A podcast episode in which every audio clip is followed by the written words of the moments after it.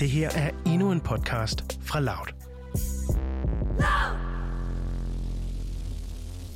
Vi er i en uh, ufærdig betonfarvet lejlighed. En væg har et uh, kæmpe hul, så man med et højt skridt kan træde ind på et uh, meget åbent badeværelse, kan vi nok godt kalde det. På væggen hænger der i hvert fald to uh, pissoirs på en uh, hvidklinket, men enormt støvet væg. Luften den er tyk af støv, men det er nu engang lugten af afbrændt træ, der fylder mest i næseborene. På gulvet der ligger der slikpapir, tynde plastikposer og afbrændte møbler. I den anden ende af den her lejlighed, der har vi stuen. Det vil sige to lænestole, der for længst har passeret sin egentlige levetid. Ved siden af, der har vi så soveværelset, altså to festivaltelte uden du, som er bundet fast til en graffiti-malet sidevæg. Endevæggen i lejligheden, den er væk. Den blev aldrig monteret. Til gengæld så har beboerne fået udsigt til grænsen til Kroatien, grænsen til EU, og for beboerne her, så er det også lige med grænsen til et bedre liv.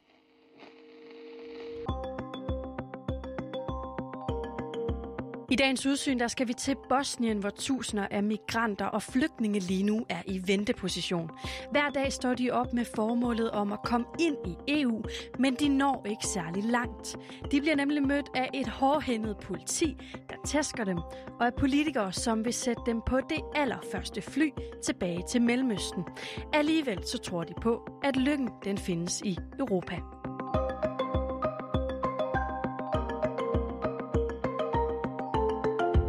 Det her er Udsyn med Sofie Ørts. I want to peace because no paper and no working. I want to peace because I'm is money. Pakistan is money is so money. No problem. Money is no problem. Paper is no problem. I want to peace. I want to peace. I want to peace. I want to peace. Jeg vil have fred, siger Sijat Han, som bor i den her halvfærdige forladte bygning i Bihać. Han er nemlig en af de knap 2.000 migranter og flygtninge, der ikke er plads til i Bosniens proppede flygtningelejre. Stefan Weicker, du, er, øh, du har rejst som journalist i det nordlige Bosnien flere gange, og det er så dig, der har talt med Sijat Han. Prøv lige at sætte lidt flere ord på, hvem han er. Han er jo en ung gut, ligesom, ligesom alle de andre. Ja, han er, han er fra Pakistan, og jeg stod faktisk og interviewede en anden, en anden flygtning, eller migrant, øh, på det her tidspunkt, hvor han så ligesom brød ind, fordi han synes, at ham den anden, han ikke rigtig fik formuleret sig ordentligt, og så vil han ligesom også gerne øh, lige prøve at få, få sagt i hvert fald, som han så situationen. Så han er, han var sådan indtryk af, at han, han gerne vil have, at medierne rigtig forstod, hvordan situationen var.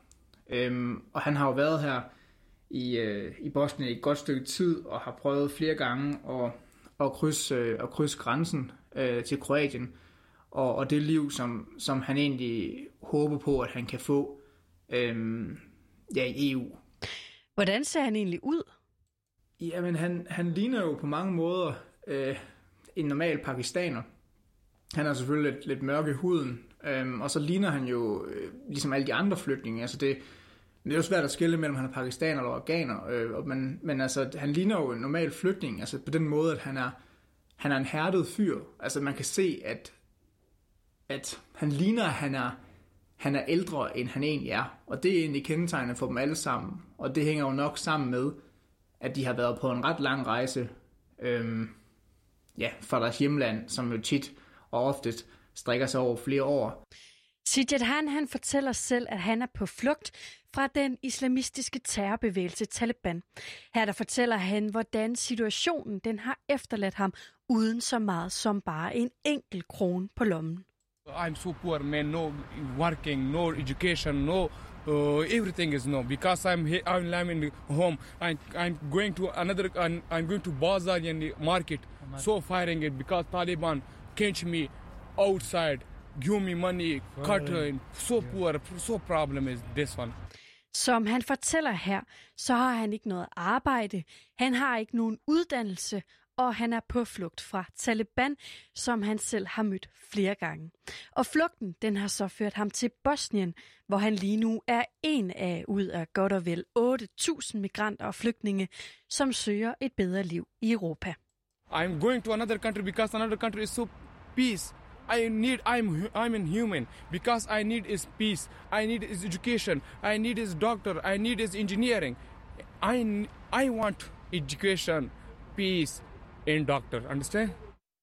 Det hele deres liv drejer sig jo om at prøve at komme øh, over den kroatiske grænse og komme ind i, i EU. Og hvor første land, som de gerne vil blive i, nogle af dem er så Italien. Og den her rejse, den viser sig altså for de fleste at være fuld af både fysisk smerte og skuffelse. Det dykker vi ned i lidt senere. Men først så skal du lige møde Osman. Det er en 28-årig øh, pakistaner med et mørkt og kraftigt fuldskæg, som længe har været øh, på farten.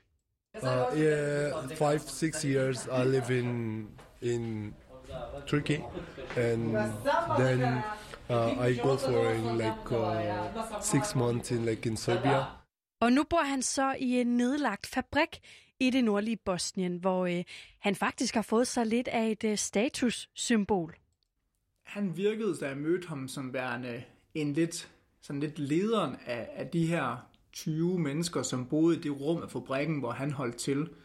Han var også lidt ældre end de andre, og så, øhm, så var han den, der snakkede godt engelsk af dem, og var ligesom den, der virkede til at koordinere, hvordan øh, de forskellige opgaver, altså gør med, lave mad, gøre rent, øh, sørge for, at man sige, at der er orden i og god stemning imellem mellem hinanden. Det er ligesom nogle af de ting, som han sørger for.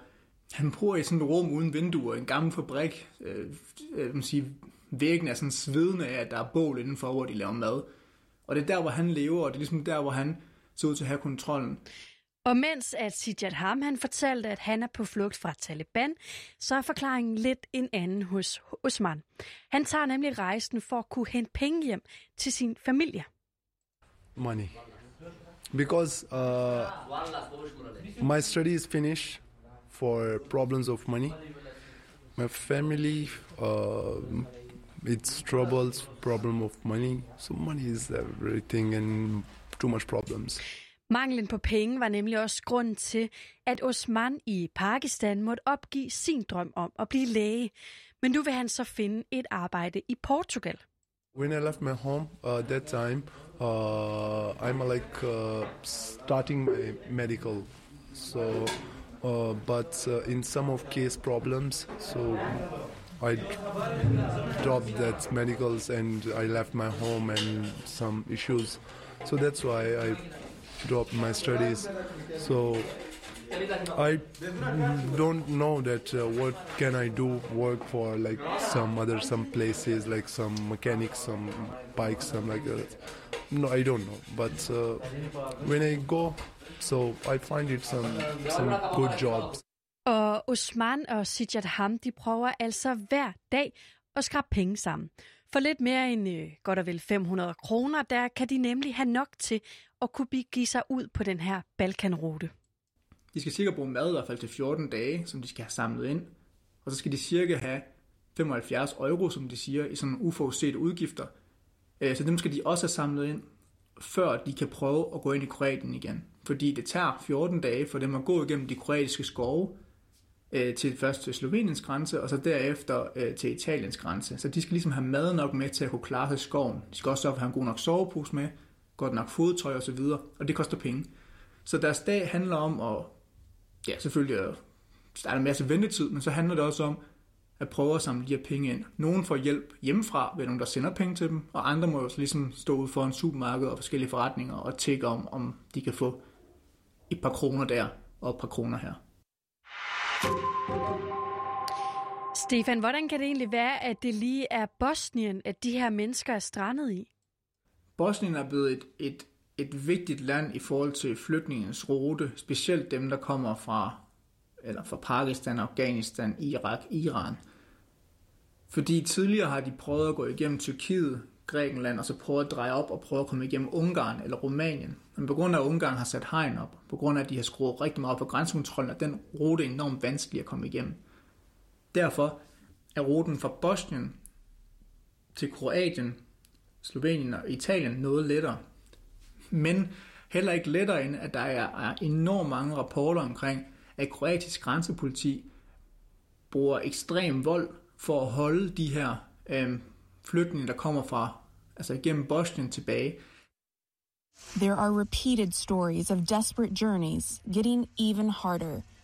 Danish aid workers have collected nearly 150 interviews from migrants and refugees who say Croatian police beat them. Altså, at de bliver slået øh, flere steder på kroppen med politistave, metalstænger, eller hvad der nu lige er, at betjentene har ved hånden. Der er endda nogle hele enheder, som simpelthen er sortklædte med sorte masker, der har været, de fortæller om, altså som ikke sådan, mm, ikke ser ud som politi, og ikke er mærket som politi, men sådan nogle former for enheder, som ligesom går rigtig, rigtig hårdt til den, og bare gennembanker dem. Vi har hørt fra Dansk Flygtninghjælp og noget, at nogle af dem, der blev sendt tilbage af kroatisk politi tilbage i oktober, at de stadigvæk i nogle af de her lejre er ved at komme sig over de skader, som de har fået fra dengang. Men selvom der ved grænsen venter både våben og peberspray, der både er rettet mod børn og voksne, og nogen sågar også bliver overfaldet og voldtaget, ja, så får det dem altså ikke til at opgive den her rejse. Mange af dem her har været på, har det taget nogle år at komme fra deres hjemland til der, hvor de er nu. Og nu står de her i Bihać cirka 60-65 km fra den kroatiske grænse. De kan nærmest se det, som de håber på, altså deres håb og drømme bliver en realitet. De skal bare lige over den her bjergtop, så skal de lige 14 dage øh, gå tur igennem de her kroatiske skove, og så er de der. Håb og drømme. Det er altså det, de forbinder med EU. Og også det, som personer som Osman og Sijat Handi forventer at opleve, når de øh, en dag kommer ind i Vesteuropa. Fordi der er helt sikkert en stor gruppe, som tror på, at de, hvis de kommer til EU, så får de lov til at være her. For, og, og så vil EU give dem en masse økonomiske muligheder til at, at realisere sig selv og sende penge hjem. Øhm, og når man ligesom tænker på den debat, som for eksempel er i Danmark, så kan man jo stille den spørgsmål, jamen, hvis du ikke er flygter fra krig og redsel i dit hjemland, for eksempel de her pakistanere, så virker det jo svært at se, at de skulle få lov til at få asyl i Danmark, eller et andet EU-land for den sags skyld. Og det har de meget svært ved at relatere til. De tror stadigvæk på, at de vil få asyl i, i et EU-land. Og de tror ikke på, at de siger, at hvis jeg ikke kan få det for eksempel i Danmark, jamen så kan jeg bare få det i et andet land. Altså så må jeg bare tage videre, fordi jeg vil ikke hjem. Uh, I'm I'm going to another country because Germany, Italy, France, and uh, Switzerland is another country because uh, he he like me because I'm coming in your country. You know like me because I'm no disturbing you because I'm going to another country, no problem. No problem, siger Sijat Ham. Uh, han tager bare videre, fortæller han. Er det den mentalitet, som går igen hos de her mennesker, Stefan? Ja, den er meget det er meget den historie igen. De er forbløffet over at få at vide, at de kan finde på at blive sendt hjem. Hvis de danske myndigheder, eller franske myndigheder, eller hvilket som helst EU-land vurderer, at de ikke har ret til asyl. Det, det, det virker som om, at der, at der er en form for, at mange af dem i hvert fald er lidt virkelighedsfjerne i forhold til, hvad er realiteten rent faktisk i EU. Så lande så som for eksempel Danmark. Så de her migranter, de lever altså i en ret så usikker situation. Men selvom de allerede ved porten til EU får smag på den her afvisning, der venter, altså i form af vold, ja, så har de tænkt sig at fortsætte. Og bare lige for at sætte det i perspektiv, så Dansk Flygtningehjælp, de registrerer her noget af en af de organisationer, som står stærkest hernede og, og går rigtig meget i at prøve at finde ud af, hvor mange der bliver sendt tilbage af kroatisk politi. Og de sagde for eksempel, at der var 16.000 gange, at øh, af flygtninge og migranter er blevet sendt tilbage i 2020. Øhm, og der kom, er kommet siden 2018, er der kommet 70.000 flygtninge og migranter øhm, til Bosnien. Men kun 600 er registreret sig, som om, at de gerne vil have hjælp til at vende om og komme hjem. Og Stefan, der er jo nogle tusinder, som får tag over hovedet i de her flygtningelejre og asylcentre. Men der er også personer som øh, Sijat Han og Osman, som lever i de her skraldede bygninger, imens de venter på at kunne komme videre. Det er jo utrolig usle forhold, altså lige på kanten til EU.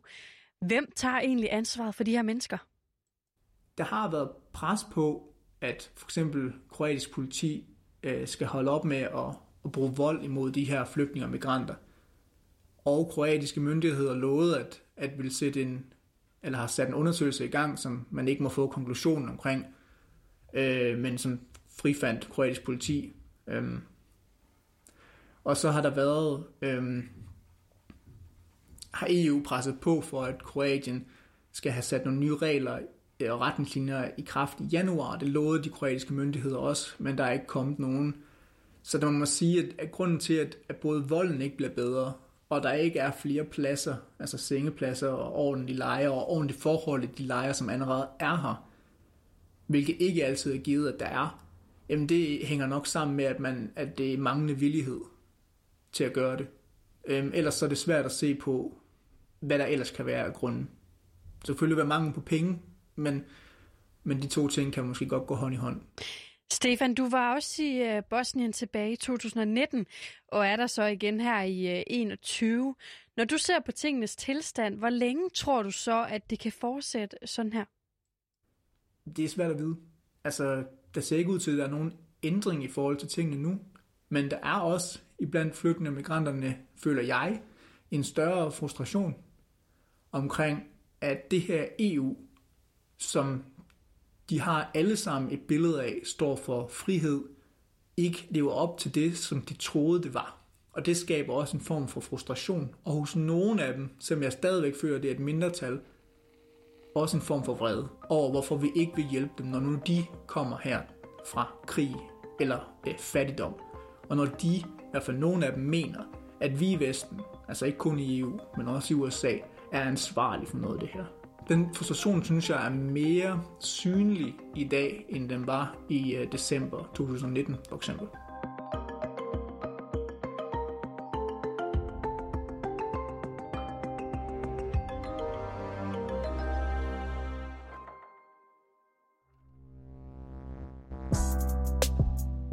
Det her var en aktuel podcast fra Loud.